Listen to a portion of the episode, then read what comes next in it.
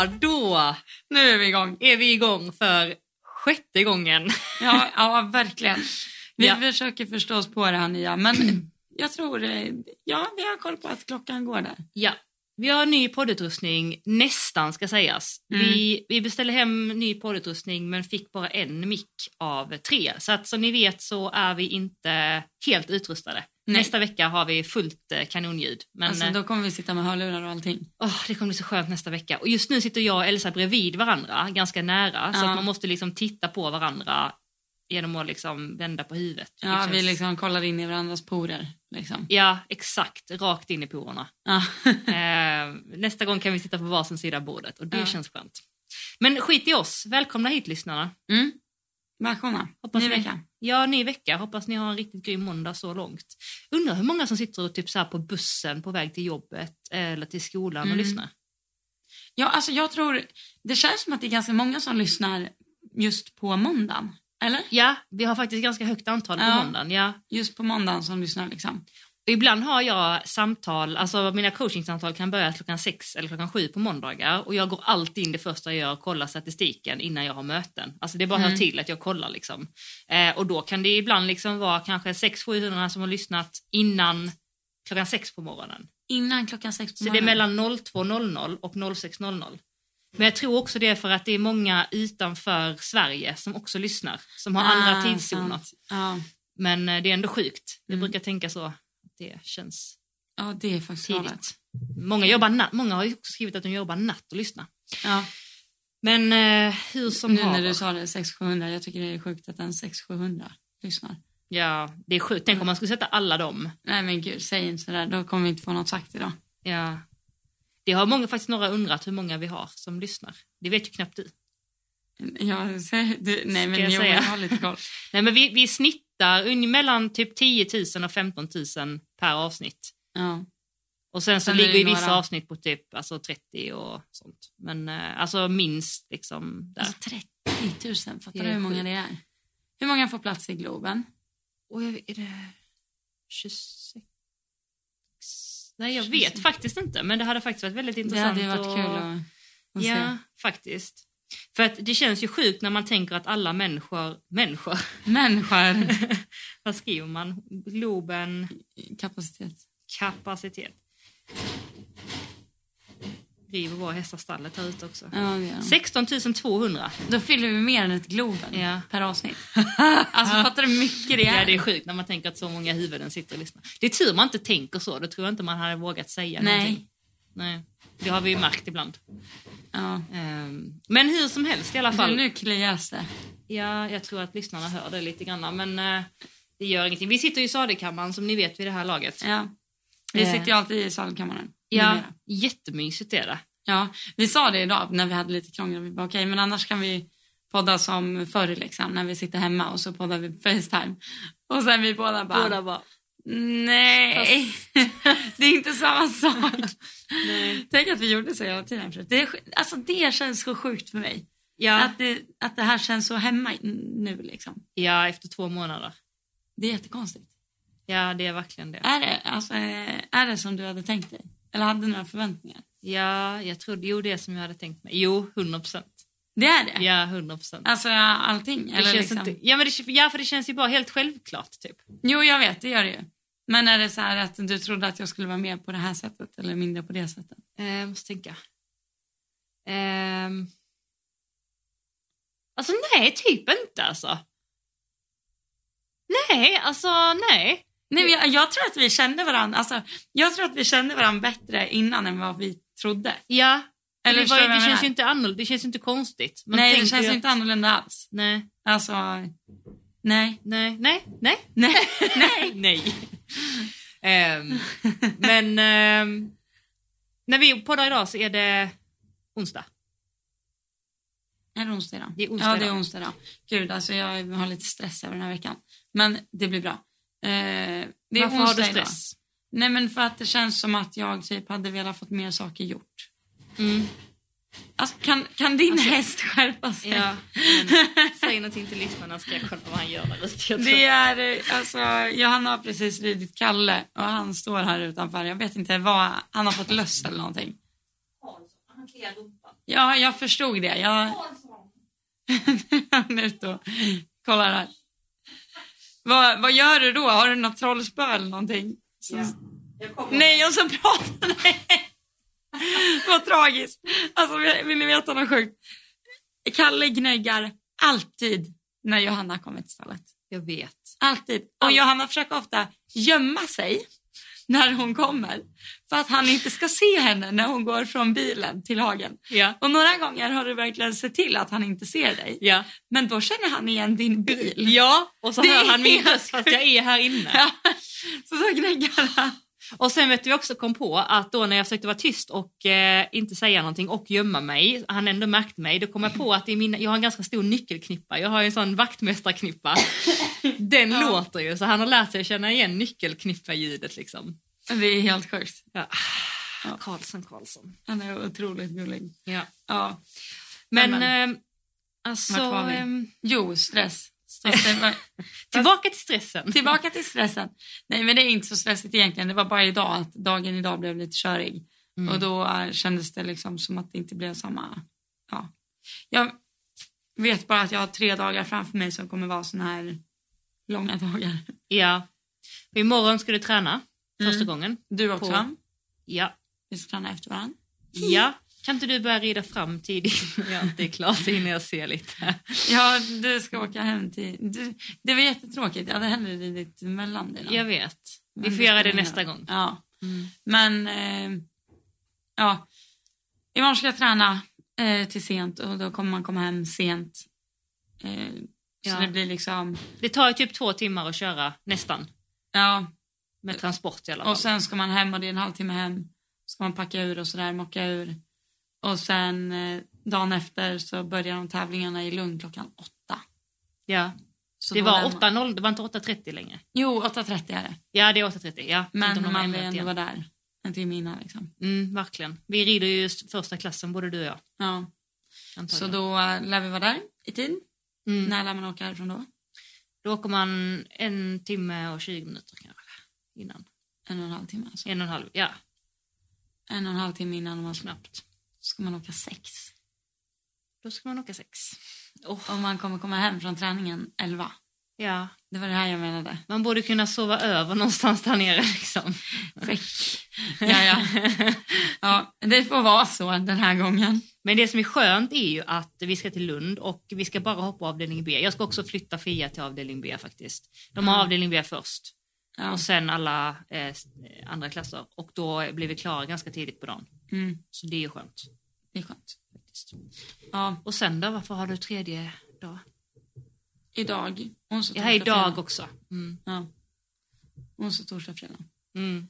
Eh, och så lördag och sen söndag tänkte jag ha lite off-dag faktiskt. Vad skönt. För jag vet inte om lördagen kanske...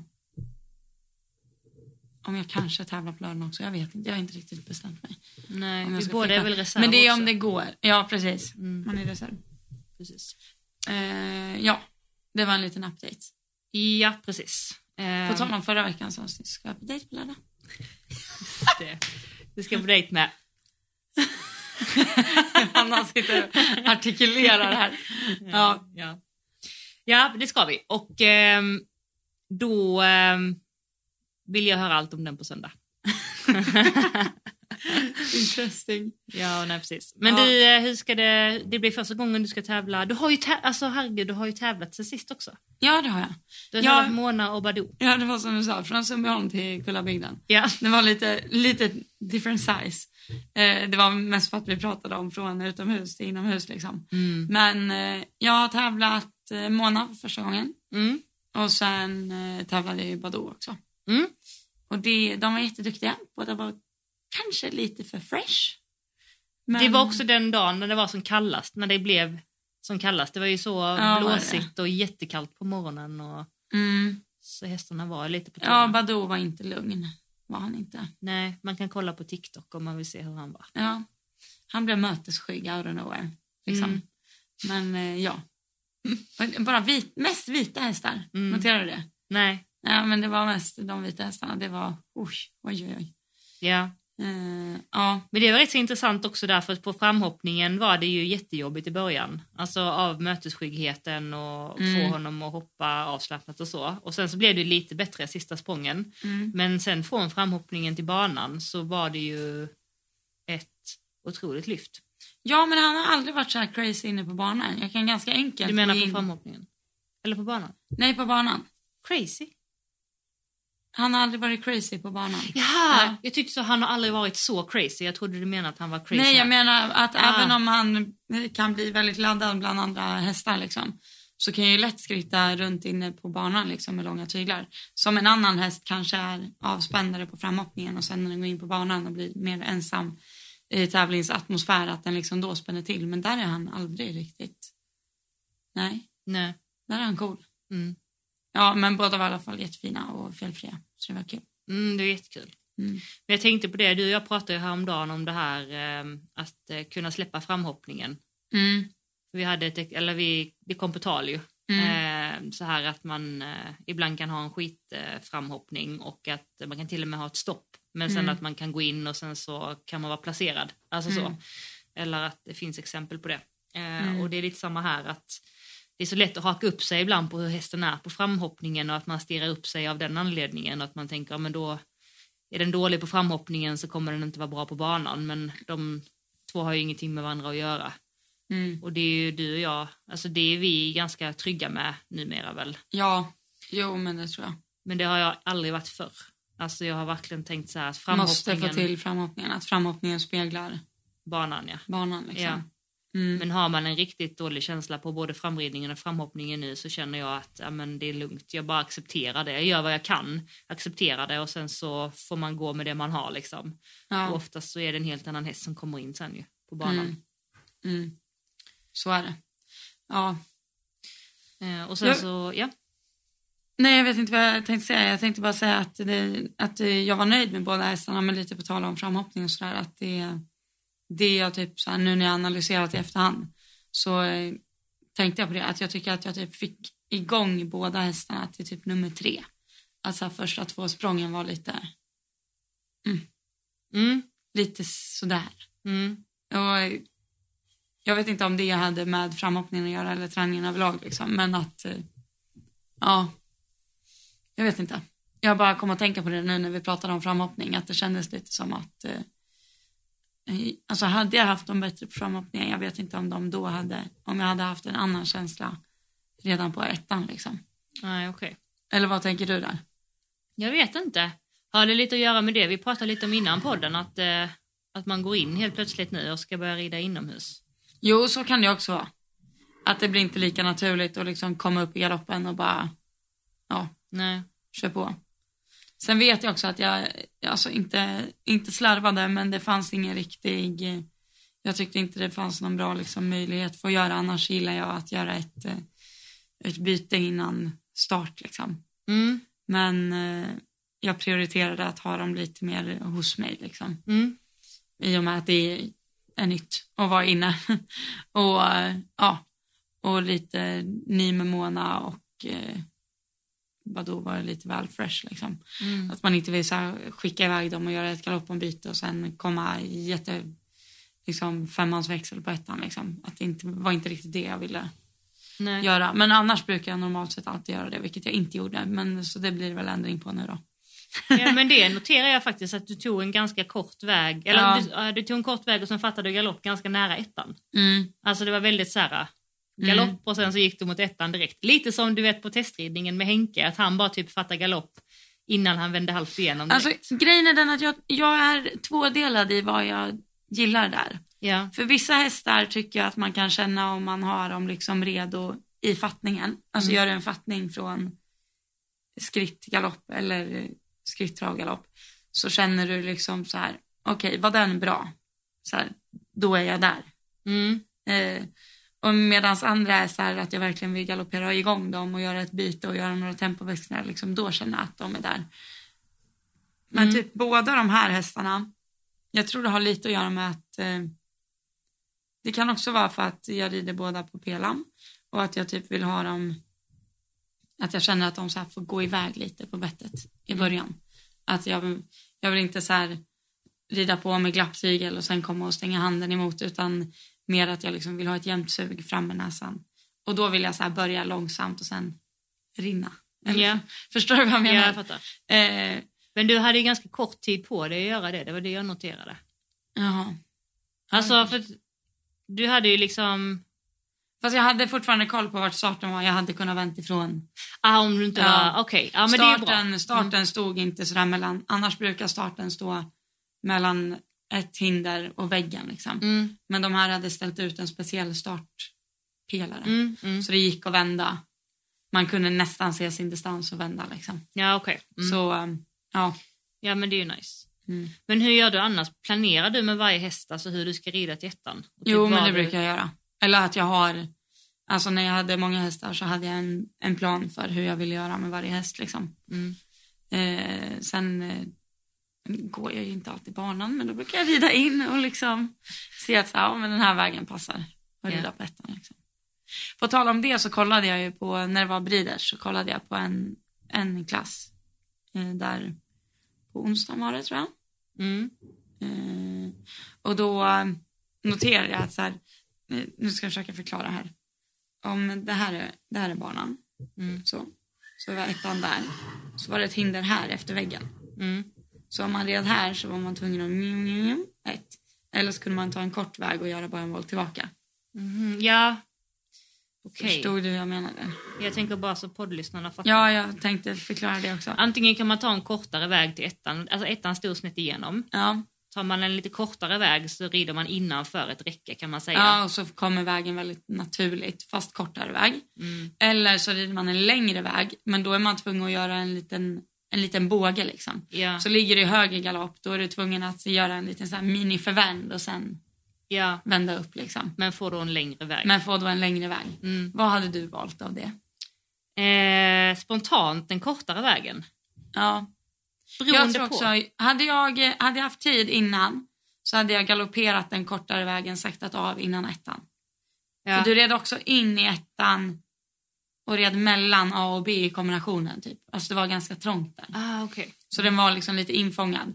Så hade, optimalt hade jag medan den andra rider galopperat in där. Mm. Så hästarna uppfattar att det kommer, att ettan kommer runt ett hinder där liksom. Mm.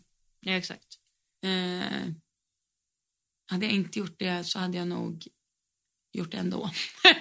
Ja, ja. Nej, jag vet inte. Jag gillar inte att göra den där när man måste svänga för yttertygen lite och ja, Snirkla sig in. snirkla sig. Och Liksom. så kanske man får fel Gör lite slalom. Ja, nej, det tycker jag inte om. Nej. Men Ja. ehm, bestämmer du också var du ska fatta galopp? Typ? Nej, det gör jag inte. Där är du mycket mer, Ja. du är mycket mer planerad än vad jag är. Du, bara, du bara bestämmer den här vägen ska jag ta. Den här vägen ska jag ta. Och så om jag ska ett byte innan eller liksom. Ja. Men ehm, planerar du, ehm, om det är typ några hinder du vill visa, Mm. planerar du typ hur du ska visa dem då eller vilken ordning?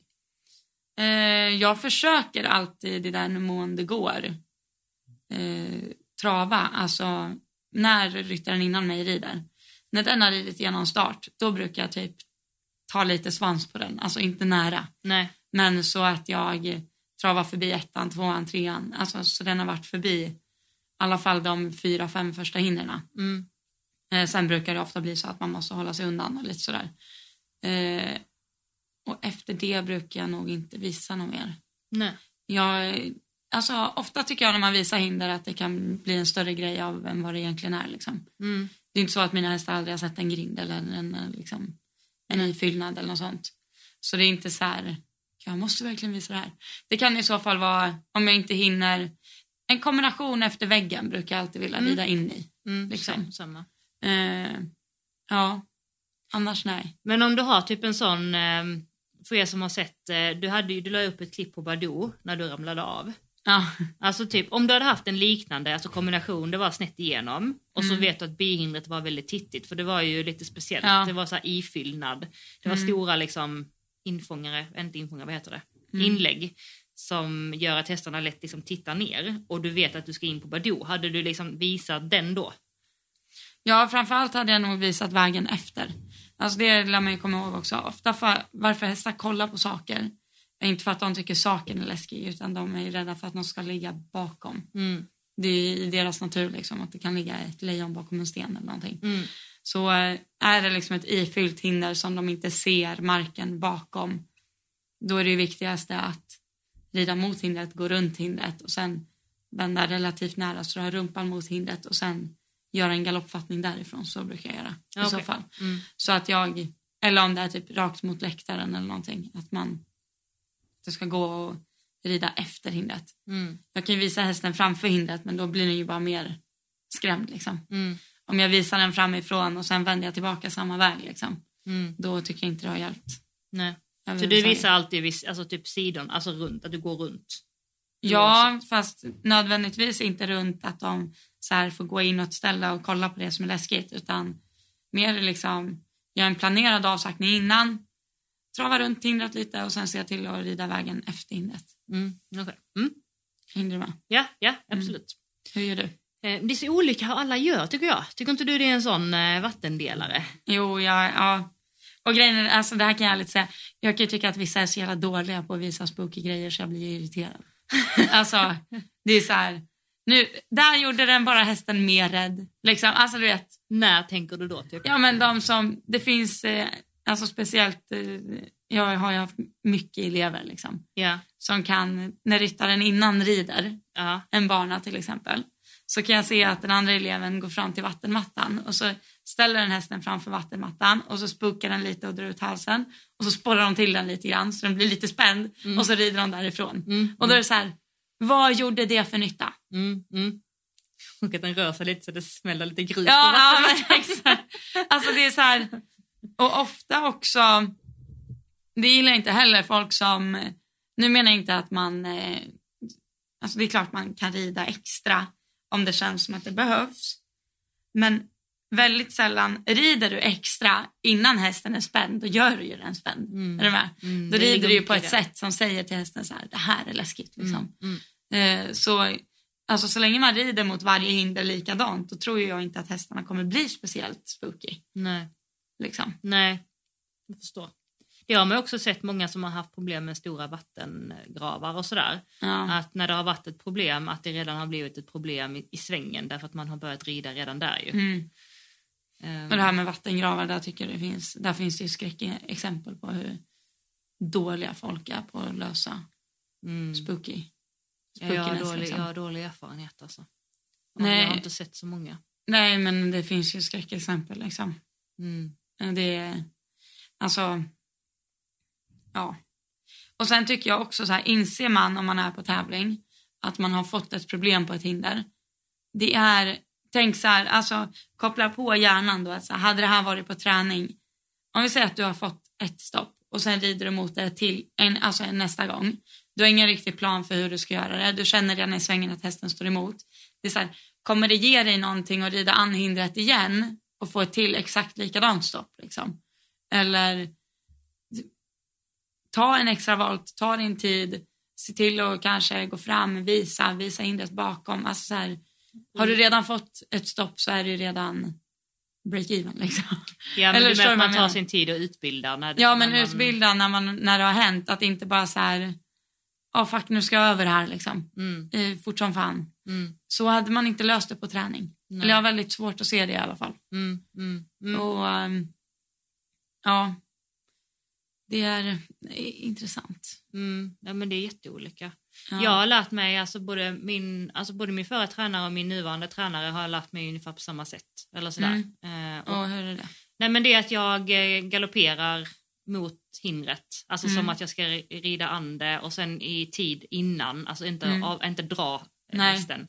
Utan så här, gå ner i trav och Mm. sen eh, skritt mot hindret och visa rakt. Eller sådär.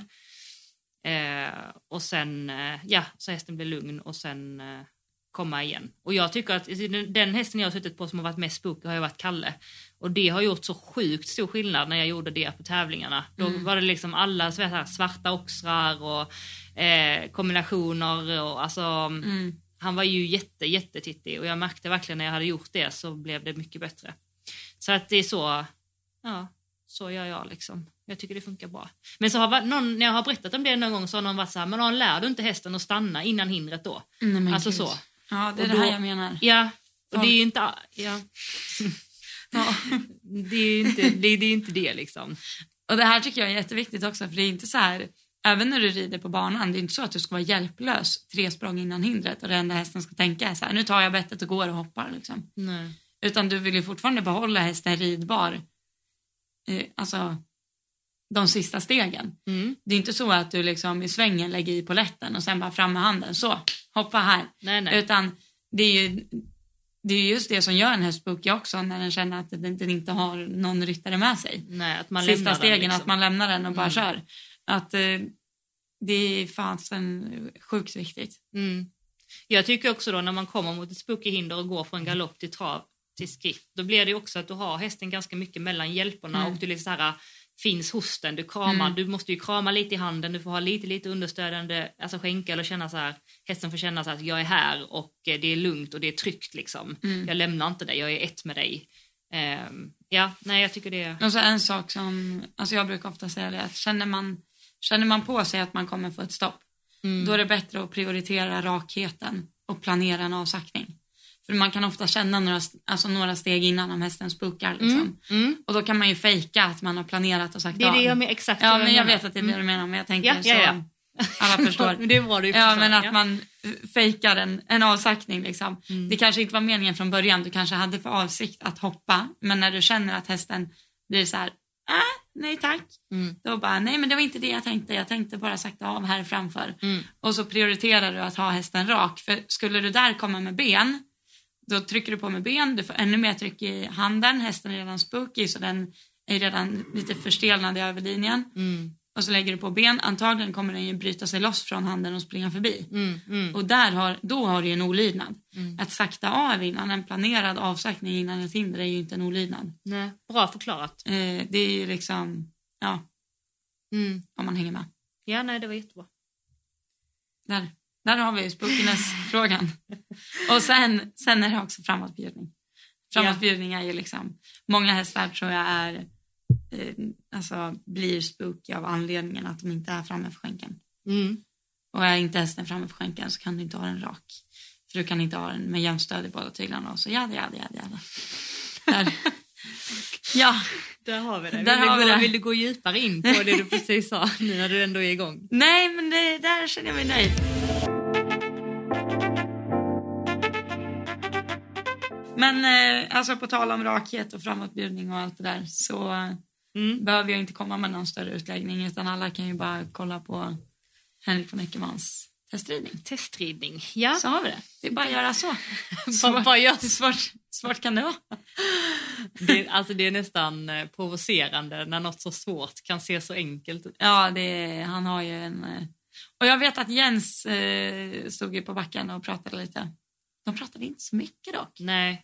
Alltså jämför man den med dressyrtestridningen Ja. med Benjamin där och sen så man kollar på de andra, vad heter de, Char eh, Charlotte. Charlotte Jardin. Ja, och vem var det innan där? Eh, Katrin Dufour. Mm. Mm, eh, då är det helt annat. Alltså de alltså, pratar ju hur mycket mer som helst, Ja. tycker jag. Men eh, Men jag tror också det kan ha att göra med att det var så himla typ genom... Alltså han gjorde ju samma sak med alla hästarna. ja. Och Henke är ju inte heller den personligheten som snackar massa. Gör han, Nej. är han det? Jag vet inte. Nej, jag tror inte det. Jag tror han är lite mer så här... Jag känner inte han så bra, tyvärr. Ja, Jag önskar. Ja. jag känner han väldigt bra. inte alls skulle jag påstå. Nej men... Eh, vad var jag på? Nej men det var ganska så här... Alltså men däremot är man duktig på att analysera så kunde man ju se vad... ja, man behövde ju inte höra. Man Nej. såg ju vad han gjorde. Liksom. Ja, jo, Mm. precis. Men eh, ja, där snackar vi ju bjudning och rakhet och liksom. Jag såg inte en häst hänga på en bog. Nej, Liksom. nej, han, nej, Ja. det var väldigt korrekt allting. Men vad skulle du säga att du snappade upp liksom? Som mest? Eller vad noterade du först och snappade upp som mest? Liksom? Nej, men jag, det jag noterade mest var nog det alla andra också noterade mest. Nej men det var ju såklart hans, alltså hur tajt han var med Ja. hästarna. Och alltså bland annat då att han eh, hade otroligt korta tyglar. Och grejen är att det vet man ju sen innan för att man ser ju honom Mm. rida ofta. Det är bara det att när man ser honom hoppa upp på andra hästar och han liksom verkligen copy-paste på alla, då blir det så mycket mer eh, Mm. klart. Jo, för jag tänker ju att det är liksom ett system man har och att det är lite så här slutprodukten, att kunna rida med den liksom korta tygen och tajtheten och liksom, ja. Det tänker jag också, men så Men- tänker jag också så här tydligen inte. Nej, Nej. nej. Det bara fungerade ändå. Exakt. Men sen ska man också säga så här lite som Jens var inne på, för att Henkan sa ju också så att nej, men jag har ju väldigt långa armar. Ja. Det har han ju. Mm. Eh, och då sa jag också Jens så att det är ju skillnad om man har om man är orangutang eller en känguru. Mm. Alltså så i armarna. Jo. Det är ju svårare att rida med korta tyglar om du har kortare armar till Ja. vissas försvar då. Mi- Mitt bland annat. Men eh, samtidigt så vi tog ju upp, alltså bara dagen innan, eller var det dagen efter vi började, nej dagen därpå igen. Mm. Så vi bara okej nu jäklar, nu ska vi Nej, verkligen men jag, testa. alltså, jag överdriver inte när jag säger att jag har kortat mina tyglar två decimeter. Ja. Gärna. Mm. Alltså, och också att man fick typ ont på helt andra ställen på kroppen. Ja, det var det jag ville komma till. Och det- Att, eh, mm. Ja, och det tänkte jag också på att för att jag tror också att vi, alltså vi tjejer som inte är lika starka som en man liksom, att när vi har lite längre tyglar, då kan vi använda våran överkropp på en helt annan så här hävstångseffekt. Mm. Förstår du vad jag menar? Att det kräver ju att man liksom är stark i axlar, alltså armar också, och hela typ. bålpartiet Mm. för att kunna, alltså för att literally kunna bromsa liksom Mm. Med så kort tygel. Mm. Om man jämför med till exempel Malin Baryard, man ser att hon bromsar ju ända ner från hälen. Mm. Alltså hon använder ju hela sin kraft verkligen Mm.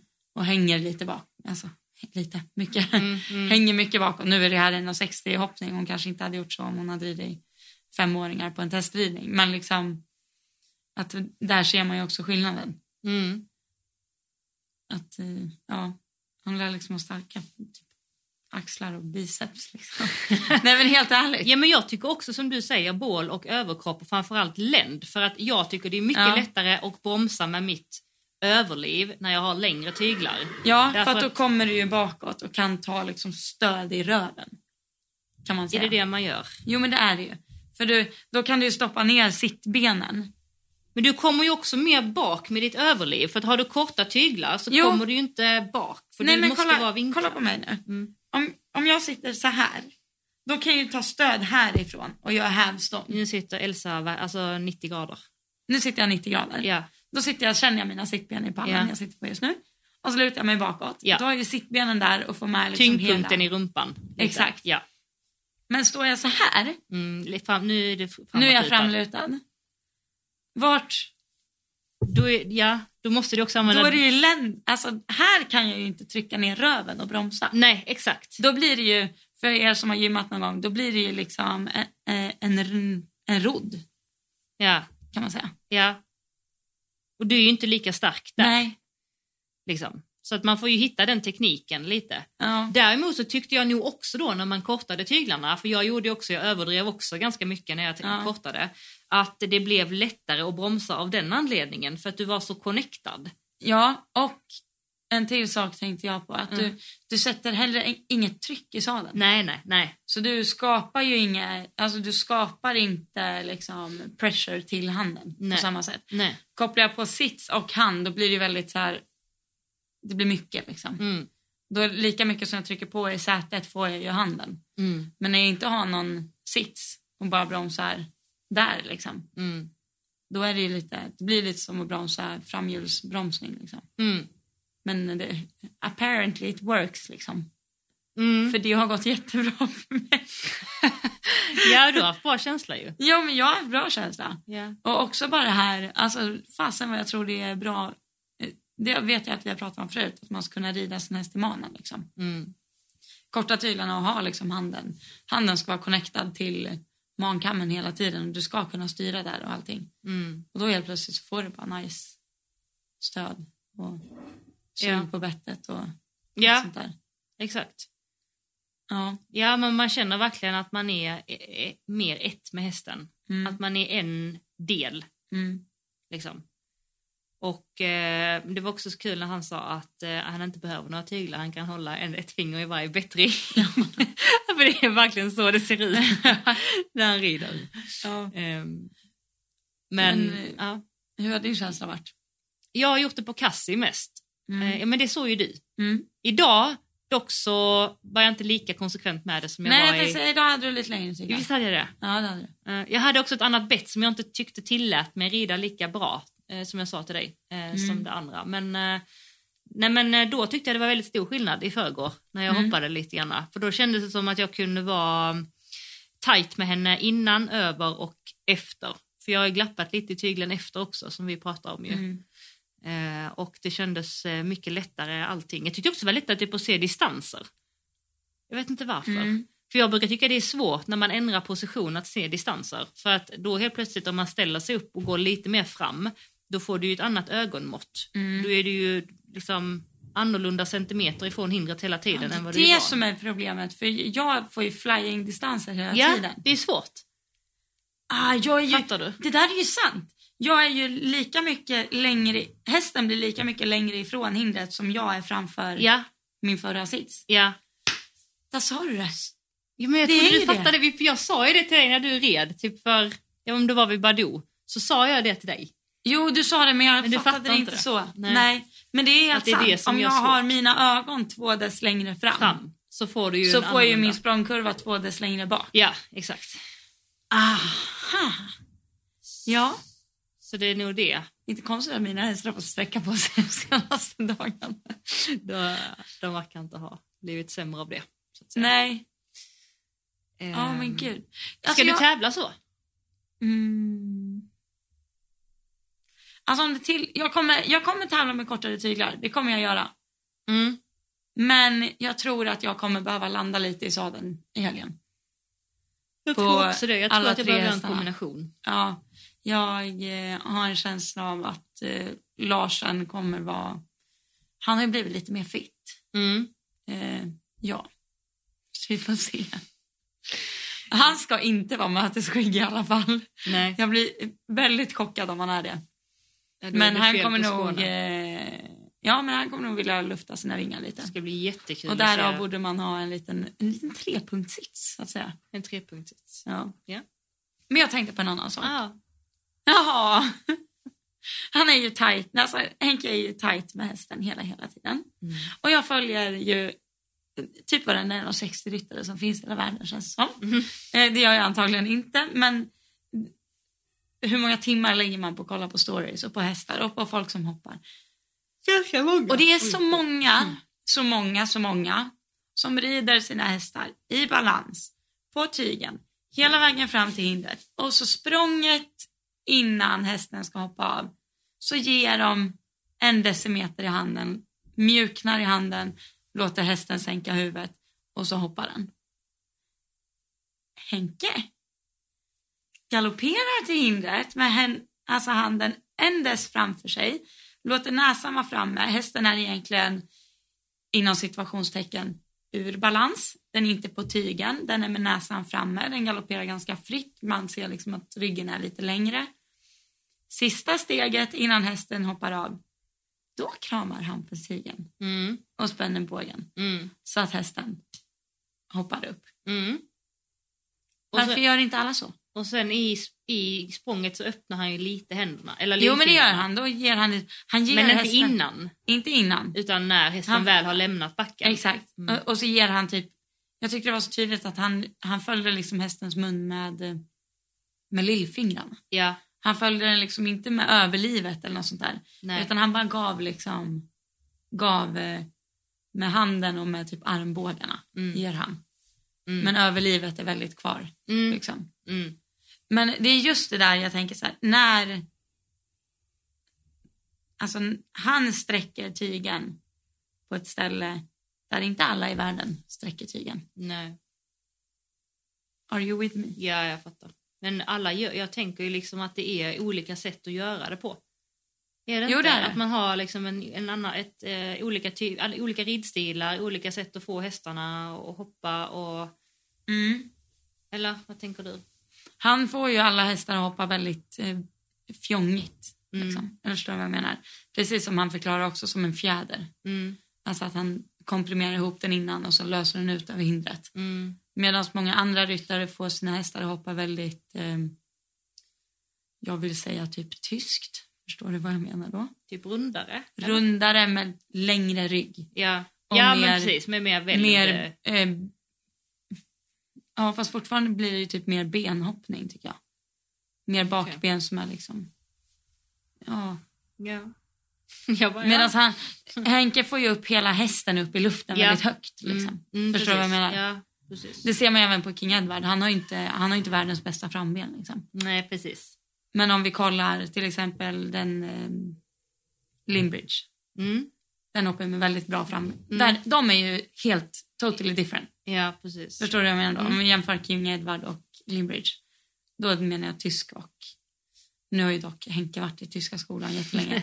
så det här blir ju jättefel. Men, Ja, men, men du är med på lite det jag menar. Henkan är ju lite mer ur sadeln hela tiden. Den Ja. tyska riden är lite mer i sadeln. Det känns inte som att Henke tycker... Nu, han, kanske, han kanske tycker det. Men min känsla är inte att han tycker det är jätteviktigt att hästarna droppar näsan innan de hoppar av. Nej, precis. Alltså, Men hans hästar kanske hoppar lite högre i nacken generellt. ja, gör det de tror det? jag också. Mm. Det tror jag också. Är det bra eller dåligt? Ja, det, jag tror det verkligen är en eh, smakfråga, vad man tycker. Ja, Jag alltså säger- verkligen. Det är samma med att vissa rider med högre händer och andra med lägre händer. Jag bara skrattar åt mig själv. Är det bra eller dåligt? är det bra eller dåligt? OS-guld! VM-guld! Tänk om allting hade varit så det här är bra, det här är dåligt, så här gör man, så här Ja, gör man inte. nej. Men det finns ju tyvärr inte det. det, är, det är bra tror jag. Ja. Nej men det var bara en anekdot. Nej, jag, tror att jag, exempel. jag tror att jag har eh, jobbat mina hästar för mycket för tidigt innan hindren. ja, det min- ja, det är min också känsla. min känsla. Att, att galoppera lite längre mot Ja. hindret innan man... eh, Och sen var det också så tydligt när han... Eh, tro, avbröt jag dig nu? Jag, bara ja, fick är en, lugnt. Jag fick bara en bild. Ja, För vi satt ju vid kombinationen på testridningen. ja. Och då när han skulle balansera upp, jag tror det kändes som att han gjorde mer inför kombinationen. Eh, att då var det som att han balanserade upp två gånger ibland. Så att han galopperade, sen såg han att okej den här distansen är kanske lite för, mitt nästa galoppsprång blir lite för långt för att ja hoppa in i en kombination ja, här. Ja. Så det fjärde steget innan hindret så gjorde han en sån här anspänning. Mm, mm, Och sen mjukade han igen mm, för att göra anspänningen Mm. innan hindret. Så även om han gjorde en förhållning, alltså fyra, fem steg innan, så blev han inte kvar. Nej. Och han gjorde någon gång tre språng innan. Mm. Så han galopperade och så när han var på fjärde språnget så var det ett stort språng. Balanserade han på tredje, släppte ut andra och så balanserade han på sista. Mm. Alltså det är så här, Jo men där, ja, precis, där blir jag också jätteinspirerad, jätteinspirerad och blir klar tidigare med det man håller på med. ja, Alltså inte bli klar i antal liksom, hur lång tid utan när man gör någonting att bli klar med det. att liksom. så, fort, så fort han kramade handen, även fast han liksom inte hade, han hade ju inte de här hästarna välridna på backen så som han ville antagligen. Nej. Men han bara på något vänster krama i handen och bara direkt får ett galoppsprång som är två dess kortare. Mm. Mm. Mm. Men sen tänker jag också så här, hans styrka och längd, alltså styrka i kroppen och hans längd och hela den här biten. Det känns som att det är mycket lättare att göra små saker för honom kraftfulla än vad det är för, För någon dig. som, Jo men det är det ju såklart. alltså så. Ehm, så ehm, jag säger inte att det liksom är omöjligt men det, det ser bara så, han är så mycket om hästen, han har så mycket liksom Eh, alltså allt han gör, minsta lilla, påverkar mycket mer än om jag skulle göra det. För då skulle det vara mindre kraft. Mm. Då skulle jag behöva anstränga mig mer, ta en hårdare förhållning, ge mer ben. Medan han med lättare hjälper kan få samma resultat. Så ser det ut i alla fall. Ja. Nu menar jag inte, alltså han är ju mycket bättre på mig äh, än mig på det. Men Mm. Men det här pratade ju vi om idag faktiskt. Vi pratade ju lite i telefon med Pelle Nyström. ja, just. Som är, eller som är mig, som har Cloran-podden. Mm, Och då sa vi det att man vet ju inte med typ toppryttarna. Alltså egentligen, vi är ju inte hästar. Vi vet inte vilka liksom, signaler. Eh, att, jag tror ju att hästarna har en uppfattning om hur mycket det rör sig på ryggen. mm, Men vi vet ju inte liksom så här, hur många kilo tar den ryttaren där? Hur mycket ben kommer där? Även om det ser jätteosynligt ut så Mm. kanske är väldigt starkt. mm. Och även om det ser väldigt yvigt ut så kanske det det fortfarande är bra saker som överförs till hästen även om det inte ser prydligt ut. Liksom. Ja, gud ja. Absolut. Ehm, ja. Olika ryttare döljer ju olika mycket. Mm. Och som du säger, även den yviga ryttaren kanske ger en lättare hjälp än den som, Ja. det ser ut att, som, var, som är helt stilla, som kanske ger en kraftfullare hjälp. ja, Eh, Så det är jättesvårt att det är bedöma. jättesvårt. Eh, Sen det jag också tyckte, eh, som jag tog med mig eh, där var, vi, vi, du byggde ju upp hela testridningen hemma. ja. Eh, ja.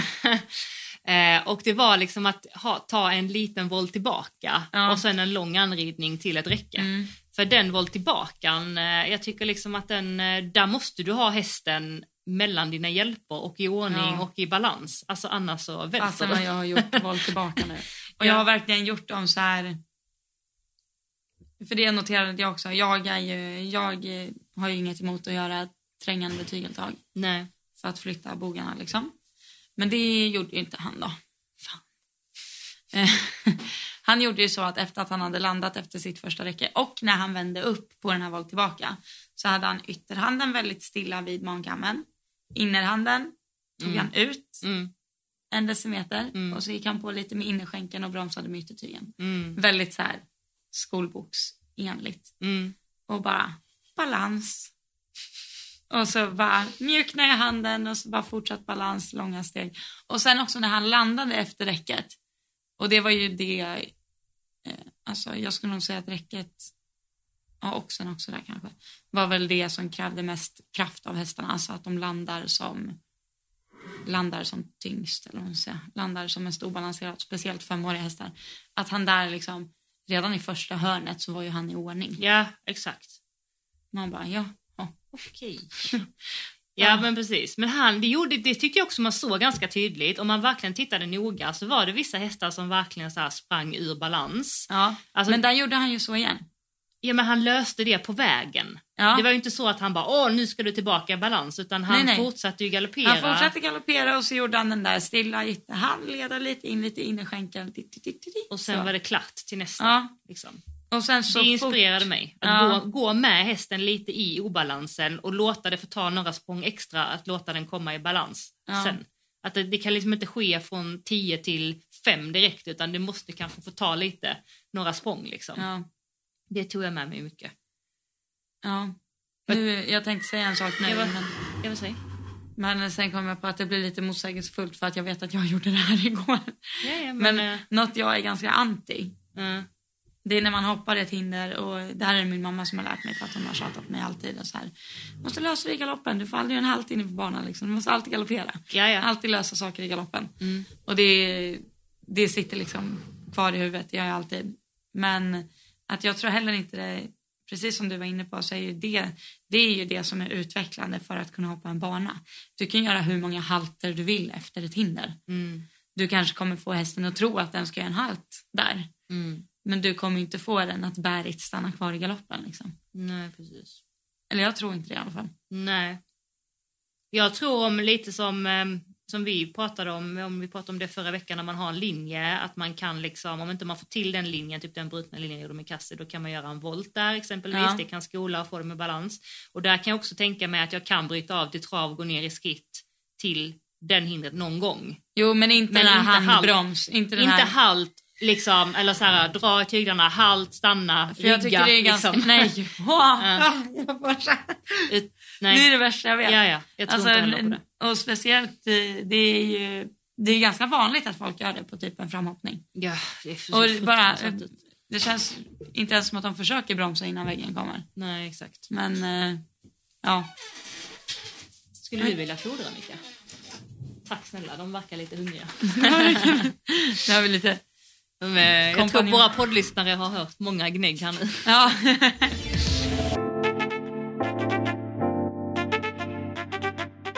Ja, kort paus för fodring. Jag skulle bara säga en sista grej där som jag la märke till också som jag tar med mig. Det var också, eh, märkte du, att han pausade ganska ofta. Mm. Alltså lät hästarna eh, pusta lite grann och också själva få liksom reflektera lite. Speciellt också när det har varit ett nedslag. Att inte han var så direkt skulle komma igen. Utan att han verkligen så här, skittade lite grann och pausade innan han kom igen. Det tycker Mm. jag är bra. Ibland kan jag tycka att jag själv kör på lite för mycket, alltså det gäller generellt, alltså att jag har för, långa intervaller med hästarna. Mm. Att det är jättenice att bara ge extra puster. Mm. För sen när man tar tyglarna och kommer igen så, så har man liksom ingen, eh, det som vi har pratat om innan, att man Mm. inte vill ha för mycket träningsvärk, eller vad heter det, mjölksyra. Mm. Och det ska inte underskattas. Nej, jag vet, eh, det här pratade vi om eh, på vägen hem i bilen, eller vi skulle åka någonstans. Vilket då? Att, eh, eller jag har en kompis som har jobbat hos en eh, toppryttare, Mm. en av eh, Irlands bästa. Och hans system var så att de aldrig red aktivt mer än fem minuter. Ja. Alltså så fem minuter trim, sen skritta. Mm. Sen fem minuter trim, skritta. Fem minuter trim, skritta. Mm. Alltså hela, hela tiden. Mm. Och så höll man på så i en timme då. Mm. Och det är också svårt. För att man själv har ju en startsträcka liksom. Ja, ja, gud ja. Ja. Så, men jag tror det är jätteviktigt. Men å andra sidan när jag var i USA så var det, då hade, var ju typ en av deras, en av deras pass i veckan var liksom 50 minuter jogg. Alltså långsam trav Mm. i låg form. Bara Mm. titt, titt, titt. Antingen det- ut liksom, eh, ute, mm, för det är ju så här kanaler som man travar liksom på gräset bredvid. Ja, Antingen där eller liksom på banan. ja. Alltså det var, inte- det var ganska långtråkigt. Jo, men alltså, det, det där återigen, att alla har så olika sätt att Ja. göra det på. Ja, gud ja. Men de var ju övertygade om att det behövdes. Ja, Alltså den Såklart. typen av eh, lågintensiv träning. Och eh, medan det andra stallet var ju övertygade om att man kunde träna hur hårt som helst så länge man bara pausar var femte mm. minut. Liksom. Mm, exakt. Så det är, jätte, det är jätteolika. Det är olika teorier. Ja. Ehm, vi har fått ett eh, DM också. Mm. Eh, har vi. Och eh, jag läser upp det här. Mm. Hej! Jag har noterat att ni båda rider mycket med dubbla tyglar, både på tävling och till vardags. Jag är extremt nyfiken på tanken bakom det och hur det funkar. Det hade också varit roligt om ni kunde förklara vad för slags tygel som ni har i vilken ögla och varför. Tänker om ena tygeln har mer fäste än den andra. Kanske har ni redan tagit upp det i något avsnitt som jag missat, annars hade det varit intressant att höra om. Tack! Who starts? Who starts? Ehm, jag rider, om vi börjar med eh, varför jag rider med två tyglar. Alltså Mm. då gör jag det när jag har eh, ett pelham eh, eller ett gagg. Mm. Nu rider jag inte med gagg så mycket just nu. Någon gång har jag ridit... Eh. vi har så mycket bakgrundsljud Ja, här. ja, alltså. förlåt. Eh, och, men det, det gör jag för att vill, jag vill kunna vara ganska exakt i hur mycket kontakt jag vill ha och hur mycket jag vill att eh, bettet ska jobba eh, för mig. eller sådär. Så att är jag, har jag i den översta tygen som ofta är kopplad till den stora ringen ju, så har jag mindre effekt på bettet, alltså mindre häv. Och sen så har jag den undre tygen som är kopplat i den lilla ringen längst ner på stången. Säger man stång? Nej Längst ner på skänken. skänken, exakt, så är det ju mer effekt. Sätter jag ett delta och har en tygel så är det ju inget jag kan kontrollera. Och det jag tycker är bra typ med Fia, om jag utgår från henne, så upplever jag alltid att bettet känns lite åt det skarpa hållet när jag eh, eh, rider fram och hoppar fram. Mm. Och då har jag ett pelham, eh, rakt bett och sen så har jag två tyglar. Så då rider jag lite mer på översta tygen. Och sen så när jag kommer in på banan så vet jag att jag alltid kommer få ha mer i handen och då tar jag lite mer på undertygen. Så att jag gillar att kunna utifrån hur hästen känns eh, variera eh, om jag vill ha mer effekt eller mindre effekt. Mm. Eh, så det är anledningen. Och i, på Fia så har jag den understa tygen är lite smalare än den översta tygen för att jag tycker att det känns lättare att ha i handen. Mm.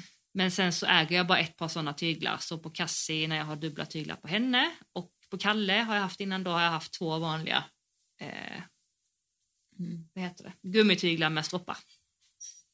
Jag sitter just nu och kollar på Johannas Ja, trends, men jag hittade dem inte. De hänger där. De hänger på putskroken. Jag... Eh, alltså jag har inget att tillägga. Jag är lika som dig där. Men Mm. jag får lite känslan av att när man har ett delta att bettet blir ganska stumt. I alla Mm. fall ett pelam tycker jag. För jag tycker det blir lite som att båda liksom rör sig. Det blir inte så mycket här egentligen. Nej, nej, det blir Det- det inte. Eh, och det är väl inget Alltså det är inget fel med det om man vill ha det. Jag funderade på att rida på nu när jag rider med näsan framme och sådär. Eh, då tänkte jag att ja men då är det nog timing och kanske ha ett delta istället. Mm. Men eh, in the end of the day så kommer det nog bli dubbla tyglar ändå. Det är också så olika från häst till häst ja. ju. ja. Eh, men sen tror jag också det är så här att folk tycker typ det ser så här, det ser skarpare ut när man har dubbla bara för att det är liksom mer mer, mer grejer, mer remmar liksom. Ja. Och det skulle inte jag säga att det är alls. Alltså för många hästar rider jag på ingen undertygel alls typ. Nej, exakt. Som Lasse, då behöver jag ju knappt... Alltså nu har jag ridit han på transbett i och för sig. Och det där är också väldigt viktigt. Jag, och det var väl också varför vi rider på dubbla, eller varför vi rider på pelam. Nej. Nej. Varför? För flera hästar rider jag på pelam i markarbetet när jag hoppar lågt och sen betsrar jag ner när jag hoppar stort. Mm. För att jag känner där att jag liksom inte kanske har samma liksom precision att kunna hantera ett skarpare bett. Att det blir liksom, hästen kanske blir lite ifrån kontakten eller lite på eller liksom det kräver mer timing mellan hand och skänkel Mm. eh, än när man har ett mildare bett. Så ja, jag vet inte. Och sen vad jag vill ha för tyglar, det är, jag vill nog ha två stycken likadana gummityglar Mm. tror jag. att Jag gillar. Men du har, utan, har du fortfarande utan stoppar? Mestadels? Mm, ja, mestadels. Mm. Det gillar inte du. Nej. Nej, jag borde nog inte ha det. Alltså jag borde ju ha stroppar. Men Eh, vet du då nu när du kortar tyglarna var det var bra liksom? På vilken plopp? Eh, hur jag vet? Ja. Eller jag har ju inga ploppar. Nej, det är det jag menar. Hur Nej, vet jag har du då? ju aldrig behövt bry mig om min tygel längre Nej. innan. För jag har ju inte brytt mig om att jag sitter med henne i magen uppenbarligen. Så ja, nu har jag ett problem. Nu har du ett problem. Jag får, det ska också hinnas med nu då, åka och köpa tyglar. Nej då, men... Eh, På tal om tyglar, du måste verkligen testa de eh, Dion-tyglarna som jag har pratat om. jag har ju ett par nya favoriter. Eh, De som du sa, gud vad sköna de här ser. Ja, de var jättenice. De vill jag ha. Mm. Eh, Det är alltså såna. par vävda med eh, stroppar som Ja, är och, de, jätte... och när, när vi säger att de är vävda, det är inte såna här vävda på 70-talet liksom, som är Nej, jättestela, är utan de blir jätte- så här mjuka. tunna och mjuka mellan stopparna. Och stopparna är väldigt tätt, tätt mellan varandra. Ja, de är väldigt tätt så det blir inte så här att man får en slät tygel emellan stopparna utan man kan verkligen hålla Mm, på en stopp. Exakt. Eh, ja, men eh, ja, då kanske jag tar tillbaka att jag inte vill ha två gummityglar. Fast jag tycker två gummityglar också blir väldigt eh, för de typ fäster sig i varandra lite grann. Ja, precis. Så de glider när de blir lite äldre Ja. också. Så de glider liksom inte iväg. Nej. Ja. Alltså, ja, men de Dion-tyglarna, jag sitter bara och googlar lite samtidigt. För jag har inte de här, de ligger uppe. i- Men det är väl såna här. Så ser de ut. Nej, nej, nej, nej, nej, nej. Det Nej. jag pratar om är en helt annan grej. Jag pratar om de som har som en liten eh, gummistropp i, på tygen så att du inte kan alltså let go of the reins. Ah, ja, ja, ja, jag vet vad du menar. Ja. Jag vet exakt vilka du menar. Det enda är att de är ju vidriga att hålla i bortsett från den gummistoppen. För det är ju såna här vävda med invävd gummi i. Ja, Oh. just dem. Men det jag skulle komma till då var att jag eh, beställde ett par eh, alltså helt handsydda Mm. sådana. Som var, en, tänk dig en, en gummitygel som de jag har, typ vanliga Treasure. Gummitygel med stropp men lite tjockare, alltså, Mm. eller lite bredare och lite tunnare. Och så var de liksom helt handgjorda, det är Jan Snälle som har gjort dem. Han har gjort ganska mycket trends förr i tiden och sådär. Och så hade jag inristat mina initialer och så. Alltså de var så jäkla fina. Men de blev ju stulna när vi hade inbrott. Men det jag tycker är bra med dem, det är att du kan liksom rida fram på vilken tygellängd du vill. Och sen när du går in på banan, då Så vet, vet du att här- där tar jag dem. Ja. Och så ändrar du ju, eh, alltså jag försökte googla upp, för jag kommer inte ihåg exakt vad de heter, så att ni som lyssnar skulle kunna googla upp så att ni För ser det är ju så att er. man kan spänna ut och in dem på läderdelen där martingalen löper. Ja, Eller ja, mot bettet till liksom. Ja, exakt. mm. Så där är det ju till knäppe liksom. ja exakt. Och vad dumt att jag inte kollade upp vad de eh, eh, hette.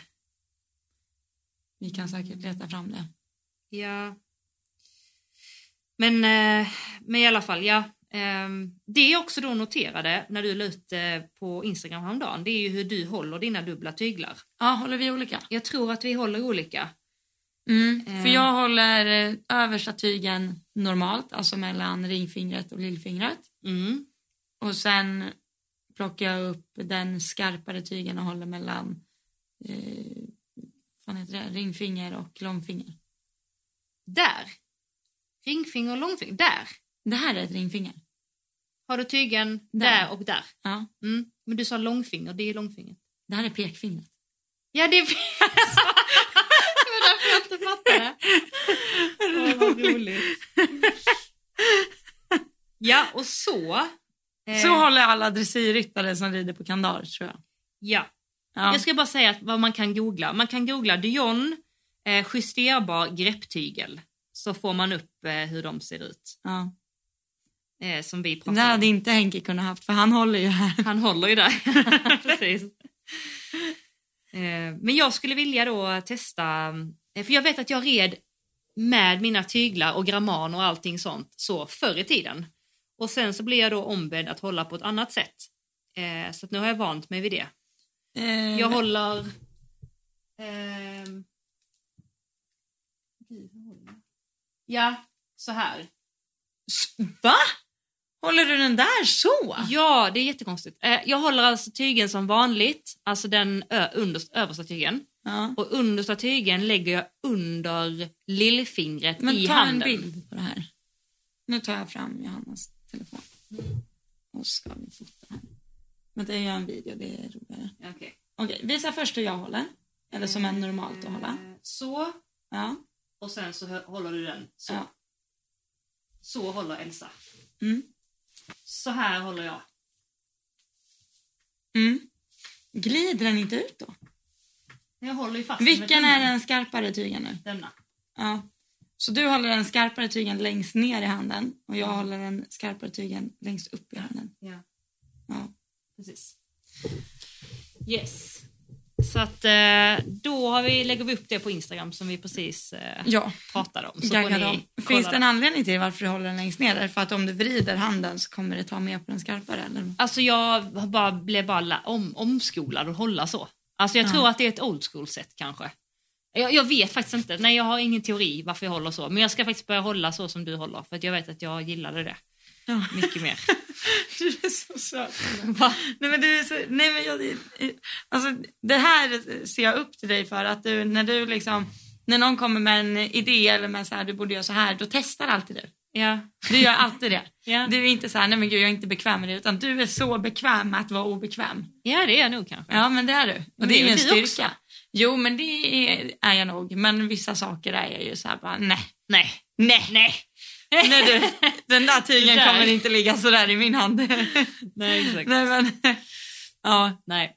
Men ehm, ja, Nej, Ja. men det känns väl som att vi har fått sagt vad vi vill idag. We call it a day. Yeah, we call it day. Mm. Och eh, är det så vänner att ni vill stötta oss även den här veckan så har vi ju vårt swishnummer Jo. som är eh, 1232 981. 231. Där har vi det. Där har vi det. Och eh, det står också i poddbeskrivningen så man lätt bara kan kopiera det Mm. därifrån och klistra in i sin swish. Mm. Eller så står det högst upp i beskrivningen på vår podd-insta, Johanna och Elsa. Och vi lägger upp den här videon nu som vi precis spelade in med tyglarna eh, på vår podd-insta helt Ja. Och sen så vill vi jättegärna ha fler frågor och gärna poddämnen och förslag och idéer Ja. på vad ni vill ha. Och även gäster. Ja, nu- det hade varit jättekul. Mm, För nu har vi ju tre mickar. ja, exakt. Sjukt kul. Så att gör jättegärna det och miljon, alltså miljoner tack för att ni, eh, ni som swishar varje vecka Ja, Eller någon gång har gjort- guld. gör ja. det. Ja, ni, det. Vi tar verkligen inte det för givet och bara det. Jag tänker så ibland, bara att man lyssnar Mm. och sen ska man liksom ta upp telefonen och så ska Mm. man bara, åh, vad var numret nu igen? Och sen så bara, åh, nej, jag gör det sen. Eller nej, Ja. åh, det, nu blir det för jobbigt. Men att man går över det steget Ja. ja. och bara så här, jo, nu tar jag upp swish-appen, jag skriver in numret Ja. så bara, okej vad ska jag swisha? Ah, jag swishar en Det är många beslut. Det är mycket beslut. Ja. så att, det, det svåraste som finns är att få, ta, alltså, få människor att ta beslut. Ja, ja det Alltså så, det finns liksom företag som jobbar med att få oss som konsumenter att ta beslut snabbare och lättare när det Ja. kommer typ till näthandel och sånt. Så att jag vill bara säga att eh, tack för att ni gör det alltså. Ja, Det är inte helt tusen, självklart. Tusen tack. Ja. Så ses vi nästa vecka. Mm. Det gör vi. Puss och kram. Puss hej. Hej hej!